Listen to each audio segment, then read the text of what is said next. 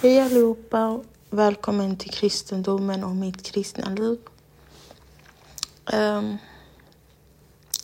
jag tänkte prata om eh, att våga idag och eh, ja, då kör vi. Ehm, jag tycker allmänt att man ska förlita sig på Herren för att eh, han är den som har skapat dig. Och när han har skapat dig, då står det i... För, du kan läsa det på Första Moseboken. Eh, då Gud skapade människan, står det där. Han beskriver eh, hur han skapade allting, men också när han skapade oss, då det var den sjätte dagen. Eh, att våga är viktigt för att om man vågar så... Alltså det står i Bibeln att, att Gud letar efter folk som vågar. Ehm, det är viktigt att våga för att om man inte vågar så kommer man inte kunna uppnå någonting. Det är som att gå i skolan. Så du vågar inte du vågar inte gå till skolan fast du är jättesmart. Hur ska du kunna få betyg ändå?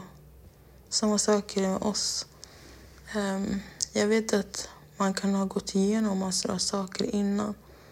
Innan man kanske kom till Gud eller det kan vara att man typ är arg på Gud eller vad det än kan vara för känslor som du har. Men det kan vara Därför vill jag bara säga att det är viktigt att våga, våga älska, våga göra Guds vilja och våga vara... Alltså våga vara... Ta den, den rätta vägen. För just nu är det väldigt många som inte gör det. Man kan se hur människan går åt olika håll då andra människor går, går eh, den rätta vägen som Gud är. Han säger att han är sanningen, vägen och det eviga livet. Det är Jesus. Och därför är det så viktigt att verkligen välja den rätta vägen. För utan Jesus är man ingenting. Det är viktigt att våga för att det leder en till till intet, alltså så med Gud. Att du kommer kunna bo där Gud är på grund av att du har vågat och har gjort det Gud har velat. Och när man vågar, det ger resultat. Resultat som gör att man, man utvecklas, man, eh, resultat som också kommer hjälpa andra. Och då man, man också kan ha en en vittnesbörd då det liksom blir en vittnesbörd för att man har gått igenom saker. Att man har vågat ta det steget eh, då man kanske har gått igenom saker som, som inte, inte identifierar den man är. Så därför är det viktigt att våga ta sig ur sin, sin comfort zone.